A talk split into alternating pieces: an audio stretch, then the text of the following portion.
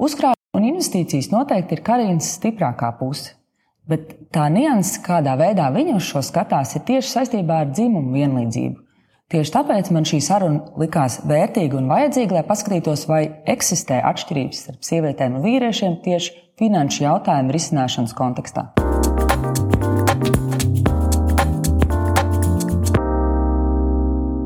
Karina, publiskajā telpā jau kādu laiku atpakaļ šādu un tādu te varēja redzēt, varēja dzirdēt, un tad bija viens mirklis, kad es redzēju un lasīju tavu vienu, manuprāt, no pirmajiem, ja ne pašu pirmo postu par šī owns. Un, un, protams, ka pirmais jautājums ir, kā tu līdz tam nonāci, kāpēc? Nu, tas ir, man liekas, kā visi tādi foršie stāsti. Tas sākās ar ļoti, ļoti personisku jautājumu. Un īstenībā ar ļoti, ļoti personisku tādu ziņkārību par to, kā atšķirās tas, kā sievietes domā par naudu. Vai tas vispār atšķirās, kā tas atšķirās, kāpēc tas atšķirās. Un, uh, man tas bija interesanti personiski, jo es novēroju to, ka ar identisku finanšu izglītību, ar identiskām kompetencēm, es ar naudu rīkojos savādāk kā mans vīrs. Es daudz brīvāk varu ieteikt rīkoties ar naudu citiem, bet tad, kad tas nonāk līdz manai pašai, ir kaut kāda tāda bloka, ir kaut kāds pārdoms, nu, kāpēc es gribu būt piesardzīgāk tur, darīt savādāk tur. Man tas ļoti ieinteresē. Un tā kā man tas kā, pārklājās faktiski ar to, ko es darīju savā profesionālajā darbībā, es izlēmu, ka man ir jāieurbjās drusku, drusku dziļāk, jāsaprot, kas tam lācītam īsti ir vēderā. Un es domāju, nu kā, nu, bišķiņu palasīšu, bišķiņu papētīšu, būs tas interesanti man. Un atzīšos tā godīgi, ka man vienā brīdī, tajā, nu, tajā momentā, kad es apņēmos un ieliku šo savu manifesto, es domāju, man ir jāpasaka tas skaļi. Jo, zini, kā tagad tu pasaki skaļi to apņemšanos, tad vienmēr ir tā, ka kāds tevi tur saucās, tagad tas, man liekas, tie accountability partners, ka kāds tev tur atbildīgi, ka tu teici, ka tu papētīsi, tad tu papēti. Līdz ar to es nolēmu, es ielikšu LinkedInā, es ielikšu tā, lai kāds pēc tam man tur atbildīgi, ka es to apņēmos un gribu darīt. Un, protams, ka tajā brīdī man pat doma nebija tāda, ka tas varētu būt aktuāli tik daudzām sievietēm, tik daudzām sievietēm, kuras es vispār personīgi nepazīstu, kas man bija nu, tāds pārsteigums, ka tajā brīdī tāda kaut kāda vārtiņa pavērās, tā tēma atvērās. Līdz ar to bija īstais brīdis, īstais laiks, bet tas nāca no ļoti, ļoti personiskas vietas, kurā es domāju, man tas tiešām pašai ir interesanti. Man nav jāizdomā kaut kādi citi topiki. Šis ir tas, ko es gribu pati saprast. Kāpēc tas strādā, kā tas strādā, un ja tas būs noderīgi kādam vēl, nu brīnišķīgi. Un no tās pirmās dienas, kad tu šo manifestēji, un, un pēc tam sāki tiešām par to lasīt vairāk, kas ir tie, nu, man liekas, ka trīs gadi ir pagājuši. Uh, kas ir tās atziņas par šo laiku? Nu, es pieņemu, ka bijuši pietiekoši daudz sarunas, jo es zinu, ka tu par šo tēmu prezentē šādos pasākumos. Ir kaut kas fundamentāli mainījies, vai tu esi gūs apstiprinājumu tam, kas bija tā sākotnējā aizdoma? Labā ziņa ir tāda, ka ir tiešām, kā tu saki, pagājuši trīs gadi. Un reizēm zina, ir tā, ka es skatos vecos postus un skatos, es esmu likusi, pieņemsim, postu pirms Covid laika vai Covid pašā sākumā, un tad drusku tādām trīcošām rokām tā es vaļā skaties, vai tas, par ko tas runājas, vai tas tiešām ar šī brīža acīm ir, ir ok, vai tas ir pareizi. Un tas viss ir izrādījies, ka tas ir loģiski, tie zelta likumi strādā kā labos laikos, tā sliktos, kā strādāja pirms trīs gadiem, strādā šodien. Man liekas, ka tā interesantākā daļa, ko es esmu paņēmusi, un tā, godīgi sakot, visaizraujošākā, un tā, par ko man joprojām tās acis mirds tajā visā jomā, ir tas, ka no vienas puses ir nu, tā, tas priekšstats, tur nauda, ieguldījumi, viss ļoti nopietni, viss ļoti saskaitāms, visu laiku tur jābūt blakus kalkulatoram, biezām brillēm un jārēķina un jādomā. Bet faktiski. E, tās naudas jautājumi, tie turīguma jautājumi, viņi ir visciešākajā veidā saistīti ar mūsu pašapziņu, ar mūsu, mūsu pašpārliecinātību par sevi un vēlmi ieviest kaut kādus jaunus un reizēm ļoti, ļoti pat mazus paradumus, kas neprasa nekādu augstāko finanšu izglītību vai matemātiku vai tam līdzīgi. Tā ir tā daļa. Es tiešām varu pateikt tā, ka man par laimi ir, man nav Man nav uh, kaut kādu postu, man nav ziņu, ko es būtu likusi, par ko man būtu šodien kauns atskatoties. Bet tas, kas uh, visvairāk man šobrīd interesē, kā palīdzēt ar maziem, foršiem paradumiem sievietēm, mums kā sabiedrībai, jo sako jau arī man šādi tādi vīrieši, kā lai saka, tikt uz tādu foršāku, labāku paradumu, jo es tiešām ticu, ka tas nav stāsts par to, ka rīt mums visiem ir jābūt miljonāriem, bet drusku vairāk par tādu lielāku pašcieņu, par tādu lielāku drošības, miera sajūtu. Tas ir tas, kas man vajag aizraut tajā stāstā. Nu, bet uh, Latvijā jau kopumā, nu, teiksim, ok, tur kaut kāda statistika liecina, ka Covid krīzē tur par x procentiem ir pieauguši, tur uzkrājumi vēl kaut kas. Nu, realitātē apskatoties, un es neesmu tā ļoti iedziļinājusies tajā statistikā starp sievietēm un vīriešiem, principā jau runā par to, ka Jā, viņi ir palielinājušies, bet patiesībā palielinājušies tiem pašiem cilvēkiem, kuriem vēsturiski arī bijuši uzkrājumi, un tiem, kam nekad nav bijuši, tiem viņi arī nav.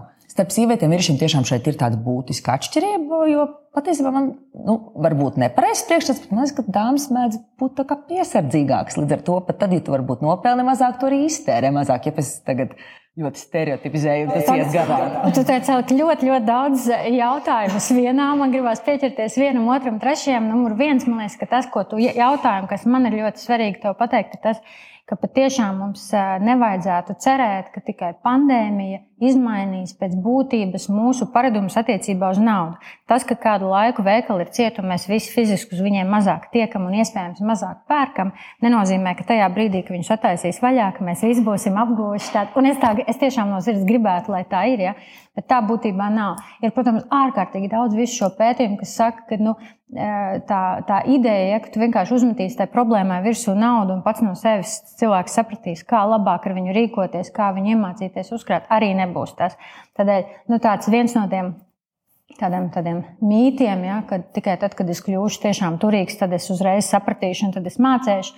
Nu, to, to noteikti vajadzētu izskaust. Drīzāk to uztvert tieši otrādi, ka nu, nu, tās vietiņas, kur es šobrīd esmu, vienkārši trenēt visu laiku to paradumu, to paradumu forši, regulāri, drusciņi sevi nodisciplinēt, drusciņi, drusciņi uzkrāt, daļu no tā ieguldīt brīnišķīgi. Kas attiecās uz to labklājību, man liekas, tāds, tāds, tāds, keyword, tāds, tāds key vārdiņš, ko es tev dzirdēju, ir piesardzība, un tā iet cauri superlielā mērā. Tas ir tas īpašības vārds, ko es vispār varētu raksturot. Droši vien sieviešu attiecības ar naudu. Viņas ir šādas piesardzīgas, bet vai tā ir problēma un kāpēc tā ir problēma? Tā manā skatījumā, un kas man liek par to baigi bieži domāt, un kāpēc es gribu kaut ko šajā jautājumā darīt, ir tas, ka nu, mēs, tād, mēs varam paskatīties tur viena gada ietvaros, divu gadu ietvaros, teikt, oi, nu, tur ir kaut kāda algas atšķirība, oi, tur nu, mazāk iegulda, vairāk iegulda, mazāk uzkrāja, vairāk uzkrāja. Bet, ja tu paskaties tādā dzīves cikla garumā, tās, manuprāt, šausmīgākie dati tajā visā, kas šobrīd ir, ir tā, ka sievietēm ir 65 gadu vecuma katrai otrai ir risks nokļūt nabadzībā. Un tas, ko es priekš sevis izdomāju, kad eh, ja man šobrīd ir eh, laikam, 38 gadi, jā, tad es šausmīgi gribētu savas paudzes sievietēm, kurām ir atlicis diezgan ilgs laiks vēl teiksim, priekšā, kurām nu, 50 gados, 60 gados ir diezgan grūti radikāli savērst to situāciju. Bet tur, kur tev vēl ir ilgāks laiks, tur arī ir vairāk iespēju, kas noteikti ir arī nu, tāds, tāds, tāds, tas, tas naudas likums. Un, ja es tai vienai paudzei varu kaut kādu iedot lielāku cerību un to statistiku uzlabot, tad tas ir jāizdara. Tā kā, vai mēs, nu tā, un tad, tad tas trešais leņķis atbildēja uz tavu jautājumu. Protams, ka mēs mākam krāt, mēs ļoti labi to protam, mēs īstenībā arī brīnišķīgi mākam un varam ieguldīt. Ja? Un tas abas divas puses mums ir. Bet tā piesardzība, tieši, kur tu minēji, nu, tā droši vien ir viens no tiem aspektiem, ka mēs nu, droši vien arī pamanīsim reizēm tādu krāju, krāju, krāju. Tad beigās saproti, ah, tāpat tur nāks tā inflācija, ko es te krāju. Aiziešu, nu, rekur bija, nezinu, ir foršs, foršs kurpes, forši tur, nezinu, soma, vēl kaut kas. Un to, ko tu ļoti piesardzīgi krājusi, vienā brīdī tu tā kā, mm, nē, labi, viss, tēt man uznāca kaut kāds stress, man gribās nu, kaut kādu tādu mieru dabūt, un es to ceru iegūt ar kaut kādu pirkumu. Eh, līdz ar to arī sievietēm tas stāsts par to disciplīnu, par to, ko ar to naudu darīt, ir ļoti aktuāls. Un vēl jau vairāk aktuāls, tāpēc, ka kā, nu, vienmēr, kad ir kaut kādas prezentācijas, bieži vien kaut kur es eh, stāstu, saku, tā ir taisnība sievietēm šobrīd ir tik daudz naudas, kā viņam nekad nav bijis. Tas ir brīnišķīgs tirgus īstenībā, ja pie kura iet. Bet tas, ka viņiem ir tik daudz naudas, nenozīmē, kā jau es iepriekš teicu, ka viņi uzreiz zina, ko ar viņu darīt. Ja? Un tā kultūra, kā ar viņu rīkoties, nu, viņa tā pati, pati pie tevis neatnāk. Ja? Un tad ir tās pirmie aplausieni, kur tu domā, oi, pirkšu visu, man paliks mierīgāk par to nākotni, būs foršāk, tu tur izmēģini, tas nesenāk, tad tu ieej kaut kādās tur īsajās rutīnās. Un tā mana pārliecība un tā mana atslēga ir tajā, ka es domāju, ka mēs kā sabiedrība ieviešot tādu ilgtermiņu foršu to kultūru, tajās finanšu izpratnē, mēs visi būtu tikai ieguvēji. Sievietes, vīrieši, whatever it is, bet nu, visiem šiem cikliem, kuriem mēs ejam cauri, varbūt mēs tiktu cauri drusku, drusku mierīgi. Nu, tas, ir, tas ir tāds sabiedrības kopumā. Tātad, nu, tas, kas es uzkrāju, man nevajadzētu pēc tam kaut kāds impulsu pirkums, kas, mhm. kas to nodedzina. Tā ir starpība. Tiešām vīrieši mazāk veic šos impulsu pirkumus, vai, vai, vai tas ir abos dzimumos līdzīgi. Vienkārši, nu, kā saka, vīrieši būtu vairāk pieraduši veikt tos uzkrājumus. Vai... Ziniet, kāda ir tāda milzīga atšķirība?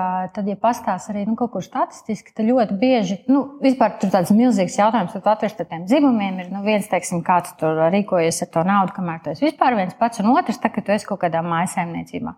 Un tas, kas ir baigi izteikt, ka ko parasti dara sievietes, viņas nu, tādā, teiksim, mājasēmniecības kontekstā saka, o, es labāk zinu, kā menedžēt tādu ikdienas mājsaimniecību, tāpēc es rūpēšos par visiem ikdienas izdevumiem, nu, un tad mans partneris rūpēsies par tiem ieguldījumiem.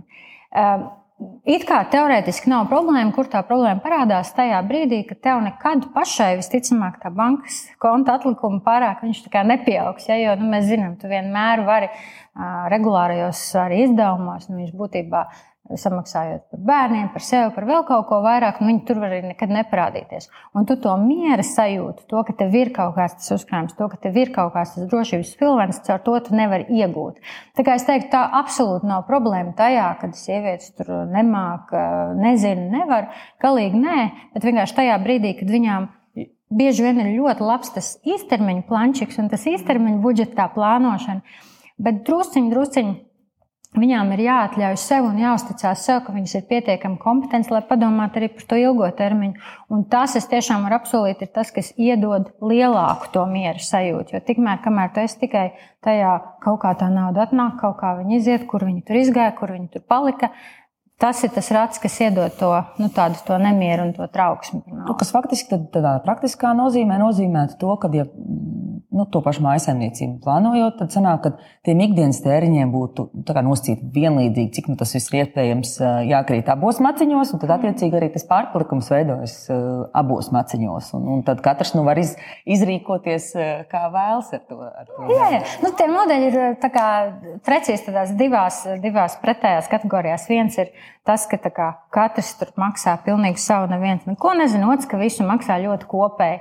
Un droši vien, tā taisnība ir tāda, nu, ka katrs tas pāris atrod kaut kādu savu, savu punktu uz tās, kā lai saka, uz tās taisnes, kur viņi satiekās.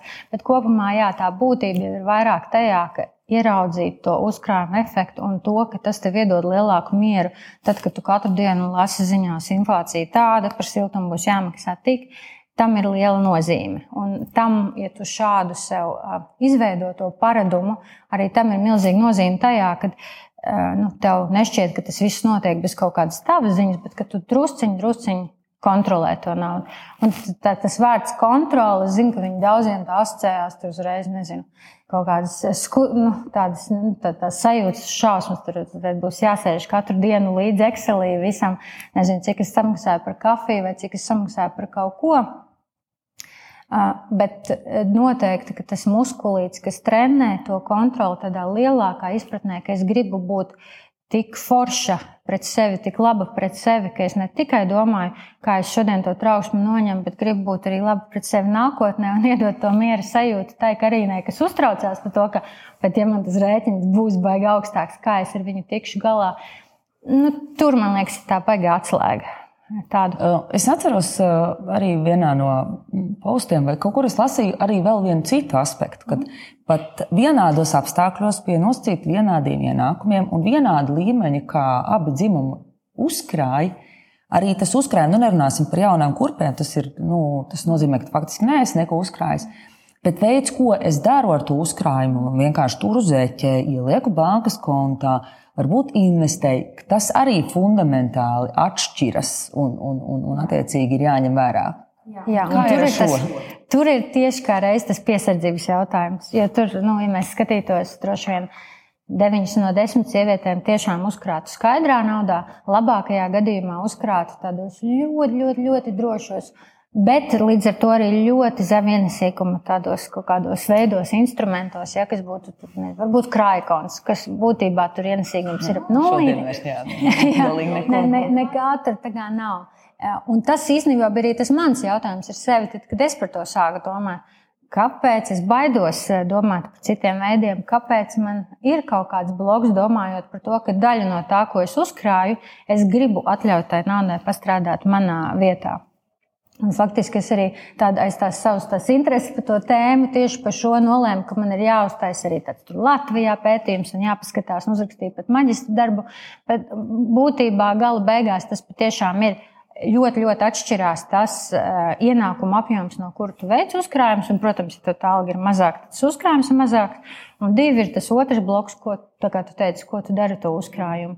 Un varbūt vienu gadu laikā tam nav tik liela nozīme. Bet, protams, ja tie ir 10, 20, 30 gadi, kur tu varēji katru gadu nopelnīt foršus 5 kaut vai procentus ja, no tās, varbūt 3, varbūt brīnišķīgā gadā 10, tad tas, nu, tas compounding efekts vai tas efekts, ka tā naudiņa tā strādā tavā labā, iedod milzīgi, milzīgi ietekmi. Tā kā tā vēlme viens um, iedot to regulāro uzkrājumu rutīnu un divi daļu no tā nu, mazliet atļaut viņai pastrādāt tavā vietā. Nu, tās ir tās divas komponentes, kas, protams, ļoti labi. Tas ir cieši saistīts ar to nu, riska apetīti, vai kā viņi nosaukt. Un man, man savukārt, tā, praksē ir, ir, jā, es piekrītu, ka droši vien vidusmērā, ja mēs mēram kaut kādu vidējo temperatūru, dāmas būs piesardzīgākas. Manuprāt, arī kungu galā ir, ir ļoti milzīga atšķirība starp, starp uzskatiem, kas ir pieņemami, kas nepieņemami. Un tad sanāk, ka jebkurā gadījumā visi tie, kuri īstermiņā rīkojas piesardzīgāk, varbūt piekto reizi pārbauda kaut ko, varbūt neizdara, kaut kur izvēlās kaut ko piesardzīgāku, tad faktiski viņi rēķinās ar to, ka šie uzkrājumi nepieaugtu tik strauji, kā viņi pieaugtu, ja viņi varētu pieaugt. Un tad ir ļoti praktisks jautājums. A, kā es varu trenēt šo savu nu, riska muskulis? Izklausās tā dīvaini, bet varbūt tas tieši tas arī ir. Kā es varu ļaut sev īstenībā, ok, varbūt tas risks nav tik briesmīgs, jā, es viņu pieņemu, es kaut kur Excelī sarēķinu, ka, nu, ja man tas risks uh, notiek un izpildās vissliktākais iespējamais scenārijs, ka tas vienalga nu, nenodara man tik lielu ļaunumu, jo tajā pārējā grozā, kur es pariskēju, bet tomēr nopelnīju, mm. nu, tas kopējais rezultāts pat ar to visu risku beigās sanāk labāks.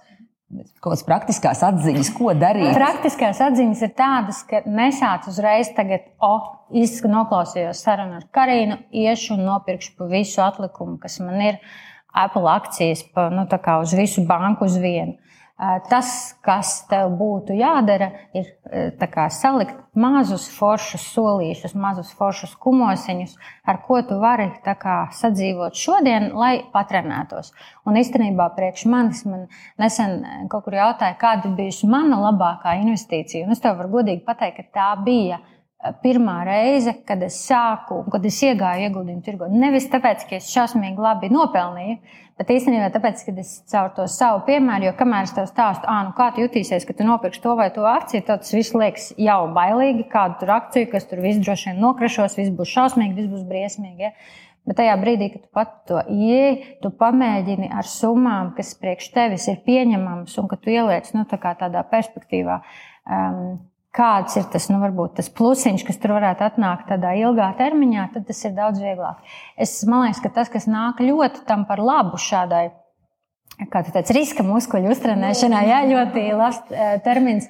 Īstenībā tas, ka ir uh, foršā lieta, nu, kad droši vien, ja mēs skatītos gadus, nu, iespējams, 20 atpakaļ, tad vispār tas viss ieguldīšanas joma bija tāda, man eh, patika ļoti runāja par šo tēmu ar Madaras dibinātāju. Uh, Loti, un viņa stāstīja, ka viņai tas priekšstats bija tāds, nu, kad investors ir tāds vīriņš, 70 gadīgs, tādām smukām, biezām mūsām, ar tādu lielu cilindru, kas sēž vannā, pīpē cigāru, ja, un tad domā, kāds, un tur kaut kā skraida tie akciju tirgi, tie indeksi, viņš skatās tās tabuliņas. Ja un ka tie ir nu, simti tūkstoši. Tad tā foršā lieta ir tāda, ka šobrīd nu, tā joma var vien vairāk kļūst pieejama cilvēkiem, parastajiem cilvēkiem, mums, kas var sākt ar summām nu, kas tev ir pilnīgi pieņemams. Ja?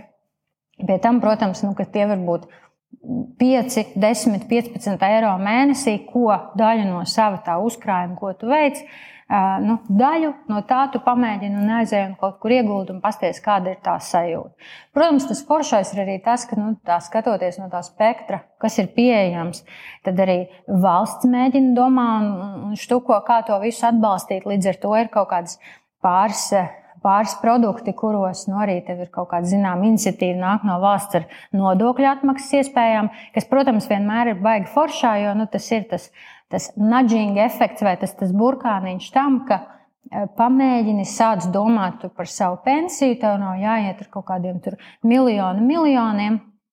Bet e, tev nākamajā gadā par tām iemaksām, nu, kaut kādu daļu, teiksim, ienākuma nodoklī tu dabūsi atpakaļ, kas nav nekas tremendously liels, bet no otras puses ļoti, ļoti foršs veids, kā nu, kā tādu samotivēt, kādu arī to pamēģināt. Nu, tas faktiski, nu, to, tas, par ko tu runā, ir dzīvības apdrošināšana un pensiju iemaksas. Šie divi. Nu, tad, ja tev, nu, kā piemērs tam, ka arī, nu... sanāk, ja tev nav pilnīgi nekā, tad tas droši vien būtu. Vienkāršākais, vismaz sāpīgākais, ar ko sākt. Jā, jā. Kur turklāt diezgan droši, nu, ja nekas cits, tad 20% tas taču dabūs. Kā tā? Kaut kā tā. E, un, bet es esmu arī pilnīgi droša, ka nu, mēs runājam nevis par tādu viena gada untumu, bet vienreizēju untumu. Bet, ja to darīs ilgā, ilgā periodā, es tev varu pateikt, ka es domāju, nu, cik daudz reizēm vari nokatot savas izmaksas. Ja? Tam ir kaut kāds limits, bet vienā brīdī nu, ir tomēr diezgan forši. Ja tu pasties uz pagājušā gada, piemēram, tirgiem gāja ļoti, ļoti labi un ka tu dabū gan nodokļa to atlaidi, nu, samaksāt atpakaļ, gan to, ka tā nauda tavā vietā ir pastrādājusi. Un es zinu, ka man to pašu iekrāt savukārt no tiem regulāriem ienākumiem nemaz nebūtu tik viegli. Tā kā es teiktu, ka, nu, ja tu domā par to ilgo termiņu, jā, ir tāds, nu, ir, protams, tas uzskats, ka, ja tā ir tā kā loterija vai ieiet akciju vai finanšu tirgos, ka tas ir, nu, tā kā vai nu visu pazaudē vai, vai, vai visu vinnē.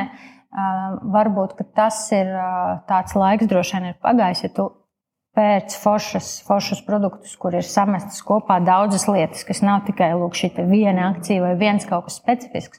Tad tomēr tā iespēja, ka tas viss nogāzīsies līdz nulles vērtībai, nu, tāda īsti, protams, vairs nav. Tas ir ja. risku diversifikācija. Bet, nu, teiksim, kas attiecas uz pašām akciju pirkšanām, nu, neatkarīgi no tā, vai es pērku pa vienam akcijas vai mēģinu iet kaut kādos fondos. Nu, man liekas, nu, pat jau pēdējā laikā visos galos un malās visur runā par to, ka nē, nu, tas akciju tirgus ir pārvērtēts. Dažs labs pat ir tik drosmīgs atsaukties uz 2006. un 2007. gadu par to, pastieties, kā toreiz bija nekustamo īpašumu, nākošās tagad ir akcijas, nu, kas, protams, absolūti neveicina cilvēku kaut kādu drošību. Un, un skaidrs, ka šī gada ietvaros, ja pagājušajā gadā viss bija ļoti labi ar, ar akciju tirgu, tirgiem, un, un, un tie, tie ienesīgumi tiešām bija uz papīra ļoti forši, kas viņus pārspēja realizēt lieliski, kas nepaspēja. Viņš tagad tai savā kontā, teiksim, šodien viņš, viņš redzētu kaut kādu zināmu kā mīnusu. Un tad, tad savukārt ir tas, nē, nē, es tagad, es tagad šodien nesākšu, nē, viņš ir. Un ko tad? Nu, kā, jo, nu, ja es nesāku šodien, tad es, es pēc tam vienmēr atradīšu tos iemeslus, kāpēc atlikt. No otras puses, varbūt tiešām ir jāatliek. Vat kā šeit mēģināt nomērīt laiku, kad ieiet finanšu tirgos. Man šausmīgi patīk tas Vanens Buffets. Nu, viņš ir brīnišķīgs. Viņam ir 91 gads, tikko bija Berkshire Hathaway. Tas kaut kādā aprīļa beigās, 3. aprīlī, tas ir gada mītiņš.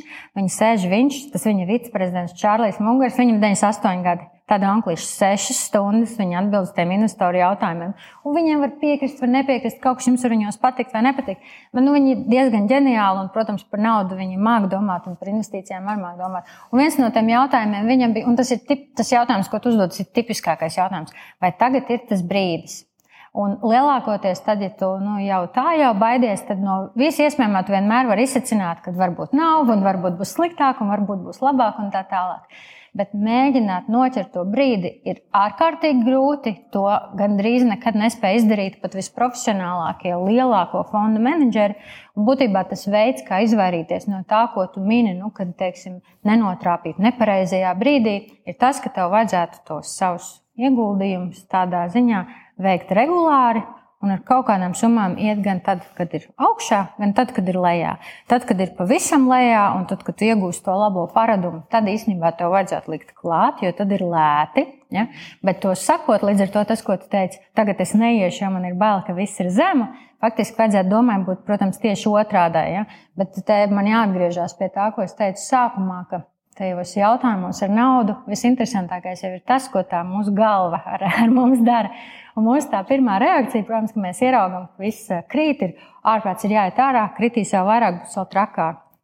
Un tad naudas gadījumā, ja tu prasītu mērot to laiku, skatoties tās iespējas, tad, protams, tie krituma brīži savukārt ir tie, nu, kad tipiski vajadzētu iet iekšā. Bet zinot to, ka mēs lielākā daļa no mums nav tik spēcīgi kā Varens vai Čārlis viņa 90 plus gados, nu, tas ieteikums ir nemēģināt nomērīt laiku. Veikt, nu, tā kā es minēju, teiksim, uzkrāt kaut ko katru mēnesi regulāri, daļiņu no tā regulāri ieguldīt. Un tas, ko tu redzēsi, ka būs kaut kādi brīži, kad tu notrāpīsi momentā, kad bija ļoti dārgi, ka tirgi bija ļoti augsti. Būs kādi brīži, kad notrāpīs, tad, kad bija ļoti zemi. Bet kopumā nu, tas, tas investīcijas, protams, ir joma, kur jāskatās ilgtermiņā. Un kopumā ilgajā termiņā mēs redzam to, ka tie tirgi iet uz augšu.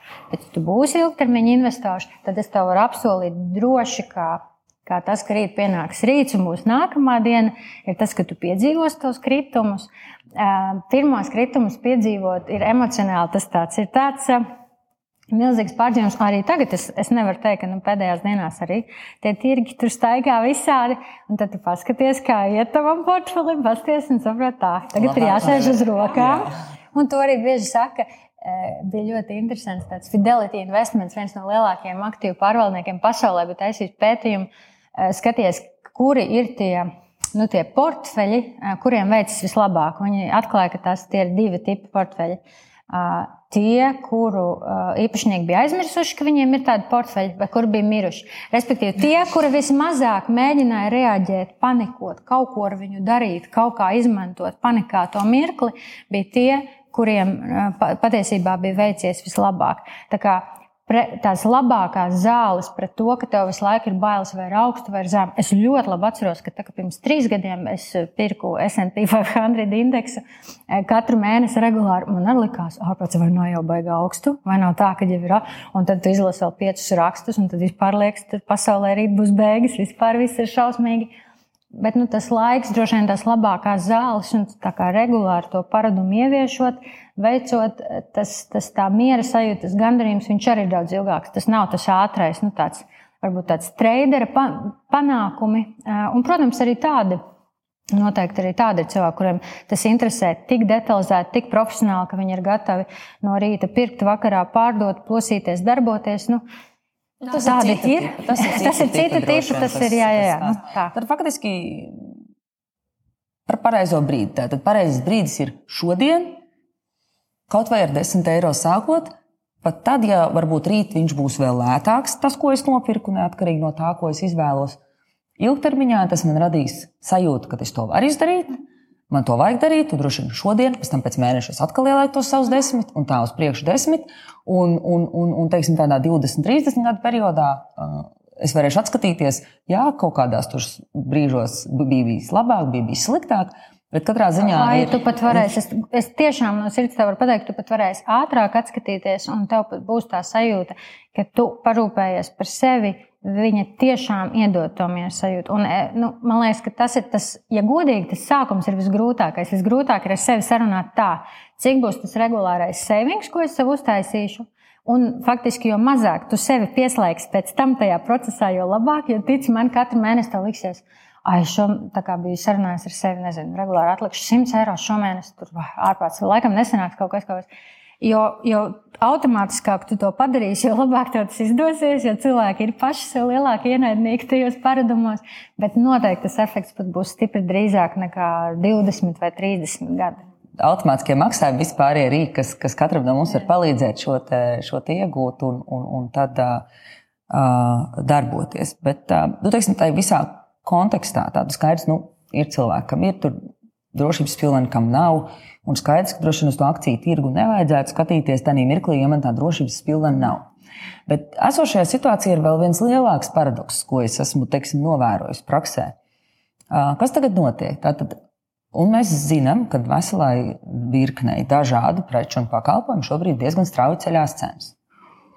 Un, un te ir divas puses. No vienas puses, varētu teikt, ok, tas nozīmē, ka man ir vajadzīgs lielāks drošības pilvens, lai es varētu arī pēc nedēļas, pēc mēneša un pēc pusgada samaksāt par to savu siltumu.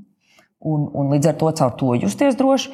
Bet tad ir tāda labākā panika, ko es otrā galā dzirdu. Nē, nē, vispār neko tagad nevajag atstāt. Tas ir pilnīgs muļķības, vai ka viss. Un, un, un tad saliek sarakstu, kas tad ir tās lietas, kas ir jānopērk, un tad pērk. Un, un droši vien, ka labākā ziņa no tā visa ir nu, tie, kas nopērk, piemēram, kurināmo uh, nākošajai sezonai. Jā, lētāk, dārgāk, bet tas vismaz ir kaut kas tāds, nu, kur tad, tiksim, bez kā tu patiesībā nevar iztikt. Nu, tu viņu nolietos, tu jā, viņu nolietos, priekšā. bet, teiksim, nu, skriet pirkt jaunu televizoru, nu, ok, ja viņš tiešām tev ir saplīs, tad tā ir cita lieta, bet skriet tāpēc, ka nākošais gads būs dārgāk. Bet tas ka lietas, tas ko nevajag pirkt. eh, Arī nevajag pirkt, tāpēc, ka vienkārši tev vēl ka viņam pieaugs. cena. Nu, droši vien, ka eh, nav nu, kā, eh, lietām, kuras tu tiešām lietosi, tās iepirkt priekšlaikus, ja no tām būs jēga, to droši vien var darīt. Es domāju, ka daudz no mums arī tajā Covid pirmo nedēļu panikā. Nu, ne, ne jau tie bija slepeni rūtīši, ja, kas tos grīčus un ko tur izpildīja. Paši jau vien tie mēs te bijām. Un droši vien līdz ar to nu, labā ziņa, ka to visu var nolietot un teikt, nu, teiksim, kaut kādā brīdī, nu, varbūt jau to grīču tur tajā tavā ikdienas diētā bija beigās diezgan daudz, bet nu, viņi ir notērējami. Ja. Tā kā tu saki, teiksim, kurināmo, jā, ja tev ir, nu, teiksim, kur tur kurināt privāti mājā, tā tālāk var būt. Manā gadījumā man, piemēram, nav tādas opcijas. Es dzīvoju dzīvoklī, nu, nu, man nebūs cita veida, kā maksāt eh, naudā par teiksim, to apkuri, ja, kas, man, kas man būs. Līdz ar to, eh, protams, kad es, es to otro fenomenu vai to otro rīcību, ko tu minēji, es to saskatu, varbūt, man liekas, viņi pat akadēmiski kaut kā sauc, es pat biju vienu paustu ielikuši par tādu uh, naudas nogurumu. Nu, kad visiem mums, es domāju, tad, kad mēs iznācām ārā no tā Covid, mēs jutāmies, ka mēs esam Malači, mēs esam izvilkuši to maču, un tā arī ir taisnība. Nu, nebija viegli, gāja diezgan smagi tajā visā laikā, un tu drusku gribi tā kā eh, pažēlot sevi, ja, atgūt atpakaļ to iekavēto laiku un aiziet tie tēriņi, nu, tur pa labi, pa kreisi un tam līdzīgi. Ļoti, ļoti īstenībā cilvēcīgi un nu, forši. Tagad tam visam nāk pāri vēl, vēl karš un, un, un citi draudi. Un mēs, es domāju, ka no tā vien tu jūties noguris un vienā brīdī tev var likties, ah, nu, ko es te ņemos, kaut ko es tur, tur kā krāju, investēju, priekš kam tas viss ir vajadzīgs. Varbūt tieši tur pirkšu jaunu televizoru, vajag vai nevajag. Tā kā galvenais droši vien ir nu, tajos apsvērumos, ka tu domā par to rīcību tagad. Ja tu pēc lietas, ko tiešām varbūt tev vajadzēs, un ja tas tev kaut kā ļoti, ļoti nomierina, ka uz tiem, griķiem tu nezini, tur 5, 10% ietaupīs pēc tam. Ļoti labi sapērts, kaut kad viņu apēdīs. Es joprojām nevaru apēst. Mums bija nopirkts šausmīgi daudz eh, kaut kādas eh, konservētās pupiņas. Es uz viņiem vairs nevaru paskatīties. Jā, nu, tas bija kaut kas tāds jā, nu, no Covid sākuma. Eh, Bet, eh, nu, vai televizors ir gluži tas, tas risinājums? Nu, droši vien, ka līdz galam, ka nē. Bet tā, tas, ka, manuprāt, mums tā trauksme pieaug par to, kādas tās cenas būs un kā ar to rīkoties. tomēr Bet man pat brīžiem liekas, ka te ir vēl, vēl papildus paradoks. Teiksim, es nevienu gadu, tu par to kurināmo, braucot kaut kur ar mašīnu, nevienu gadu es neesmu redzējusi tik pilnas sētas ar visu iespējamo veidu kurināmajiem, cik es to redzu šobrīd. Un ir maijs. Un man pat brīžos liekas, nu, es to nevaru nomērīt, tas ir tikai kaut kas intuitīvs. Bet, ja mēs pagājušajā gadā nepirkām un aizpagājušajā gadā nepirkām, tad pilnīgi skaidrs, ka piegādātāji visticamāk nebija gatavi šim tādam apjomam. Varbūt mēs īstenībā paši savām rociņām padzinām to inflāciju, skrienot un pērkot. Nu, Visu kaut kādus burbulīšus mēs, protams, radām, bet nu, es domāju, tas, ka uh, varbūt ka nevi, nu, teiksim, tas mājsaimniecība, tā rīcība, kas tagad ir, kaut kādu burbulīti viņa droši vien radīs. Sākumā man liekas, tāpat varbūt tiešām tādai vajadzīgai lietai un tādam vajadzīgam nu, kaut kādam patēriņam, kas būs. Tam pat nav slikti. Nu, kā, nu, ja tev ir sēta, tev ir, tu iepērci kaut ko dari. Bet, uh, bet es domāju, ka tas droši vien nebūs tas lielākais efekts. Skaidrs, ka tas efekts būs arī uz, nu, šobrīd jau mēs redzam, tur uz pārtiks precēm, uz visu. Ja mums ir cerība, ka mēs no tā pilnīgi izvairīsimies, es teiktu, ka tās cerības nav, jo būtībā jau šobrīd, manuprāt, jau sākot no mārta, mēs redzējām, ka tā inflācija skar gan transporta izmaksas, gan pārtiku, gan visu, kas saistās ar mūsu komunālajiem maksājumiem. Tā kā, ja ir tā iespēja kādu no tiem kaut kā padomāt, nu kā tad es rīkošos ar to, un ja risinājums ir sapirkt pilnu sētu ar malku, Nu, labi, nav nu, īpaši sliktākā ideja. Tieši tas dod tev personīgu drošības sajūtu. Jā, jā. Ka pat tad, ja tu varbūt teorētiski pēc diviem mēnešiem varētu nopirkt, varbūt lētāk, jo patiesībā tas pieprasījums piedāvājums atgrieztos kaut kādos saprātīgos apmēros. Bet tu esi par sevi vismaz tā drošības sajūta, kas arī. Nesliktākajā veidā. Savukārt, ja nu, domājot par to visu, tu tā kā saproti, ārprāts, ārprāts, ārprāts, viss būs dārgi, viss būs dārgi. Bet, nu labi, vispār to kaut kā mēģināšu izsviest no galvas un labāk nopirkšu tā vietā jaunu telefonu, nu tad laikam tas tā īsti līdz galam nelīmēsies kopā. Jo, nu, jo, tad, tad faktiski tas, kas attiecas uz kaut kādu krāšanu, patēriņu, tie likumi paliek, paliek tieši tādi paši, kādi viņi ir bijuši jebkurā periodā. Un, un, un ir pilnīgi skaidrs, ka, ja ir kaut kāda joma, kur var nodrošināt uh, super, un tam man nāk prātā vēl viena nianses saistībā ar izmaksām. Ir daļai sabiedrības, kurai ir hipotekārie kredīti, ļoti tipisks, regulārs ienākums. Daļa no sabiedrības viņas ir paņēmusi pietiekoši sen un vēl varbūt kaut kad atcerās, ka eksistēja tā mainīgā likmes daļa, bet daļai viņa vispār nekad dzīvē nav spēlējusi nevienu lomu maksājumos. Un, un, un šis ir arī tāds, tāds, tāds, tāds ļoti nu, patiesībā sarežģīts un plašs temats, jo faktiski tas, nu, teiksim, nu, tādā ļoti ideālā pasaulē, droši vien tam, kas maksā hipotekāro kredītam, drošības pilvenam būtu jābūt lielākam. Attiecīgi, tāpēc, ka es zinu, ka man ir šie regulārie maksājumi, un es nenonāku kādā nepatīkamā situācijā tad sanāk, ka tiem būtu jābūt patiesībā vēl vairāk tur jādomā par to, kā tas spilvens, jo, jo faktiski nu, kaut kādā pārskatāmā droši vien, un nemēģināšu minēt, cik ātrā vai vēlā, bet nu, tās procentu likmes sitīs droši vien bišķi vairāk nekā mēs bijām ieraduši par šo tēmu. Jā, bet, zin kā, es vienīgais, tas, ko es varu te piebilst, tas ir pilnīgi noteikti, tā būs, bet drīzāk varbūt tas saistās mazāk ar to drošības pilvenu, bet vairāk ar to, ka tev ir jāierēķina ka tavi regulārie izdevumi šajā gadījumā par hipotekāro būs lielāki. Ja? Nu, savā ziņā, līdzīgi kā mēs runājām par to inflāciju, kas varētu skart pārtiku, vēl kaut ko, tad, visticamāk būs tāds periods, ka tā paliks vairāk. Ja? Un vai nu tu šobrīd saki, tā, ok, es tam gatavojos un es sagatavoju to drošības pilvenu, Bet būtībā, nu, ņemot vērā, ka kredīts mums visiem parasti ir ļoti, ļoti ilga perioda plāns un pasākums, visticamāk, tas nozīmēs to, ka tad, ja tev ir kaut kāds galvā vai Excelī vai lapiņas vai vēl kaut kur nu, tā doma par to tavu kopējo budžetu, tad tav, nu, tas, tas nebūs tāds pasākums, trīs mēnešos man tur būs uzkrājums, es to nokavrošu, pēc tam skatīsimies, kā tālāk. Vienkārši tev būs jārēķinās, nu, ka tā sadaļa, tas maksājums tev paliks nu, par kriptiņu lielāks visticamāk, ka kaut ko citu, acīm redzot, vai nu tā nāksies domāt, ko tu citur nogriez, vai nu, kas vienmēr ir tā otra opcija, kā tu pieaudzē savus ienākumus. Nu jā, tā ienākuma pieaudzēšana droši vien ir ļoti liela atsevišķa tēmas vērta.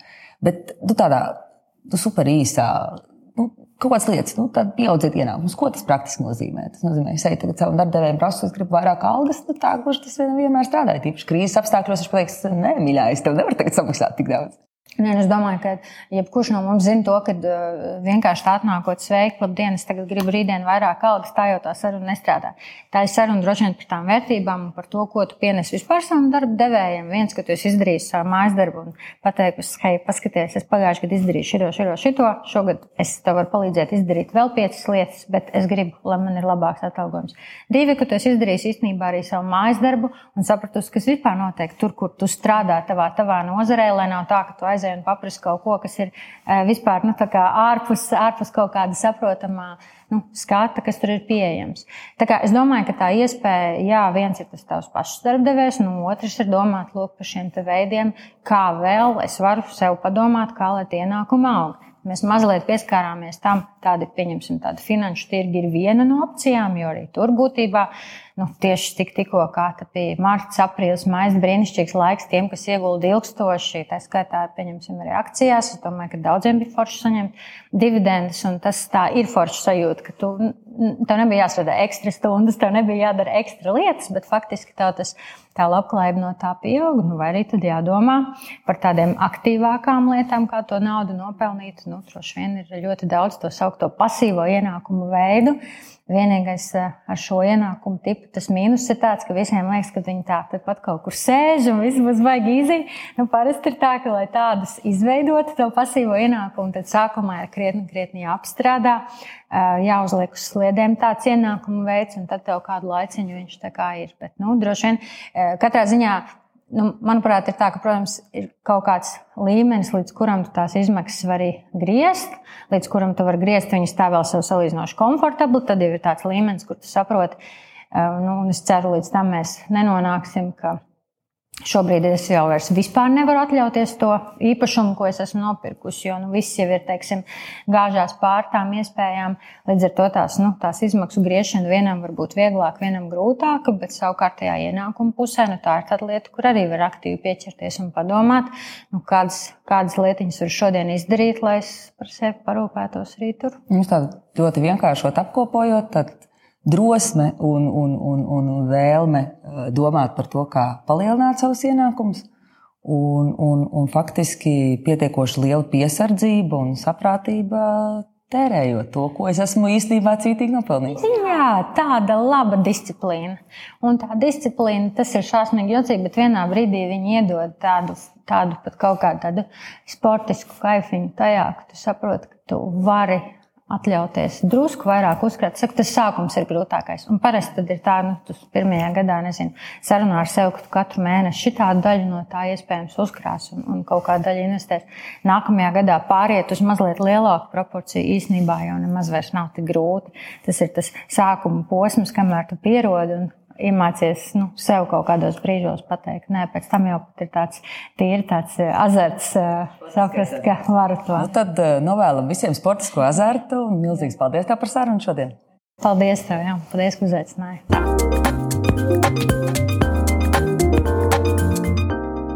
Nu, attiecībā uz finansēm un investīcijām, tad tie zelta likumi jau it kā ir, ir uh, vienādi un līdzīgi. Bet tas, kas man likās ļoti būtiski, ir tieši šis riska jautājums. Un tas, kādā veidā ar absolūti nelielām summām tu vari, kā mēs sarunā atklājām, trenēt riska muskuli un, un īstenībā iedrošināt sev iespēju ieguldīt un, un pēc tam arī baudīt no tā augļus.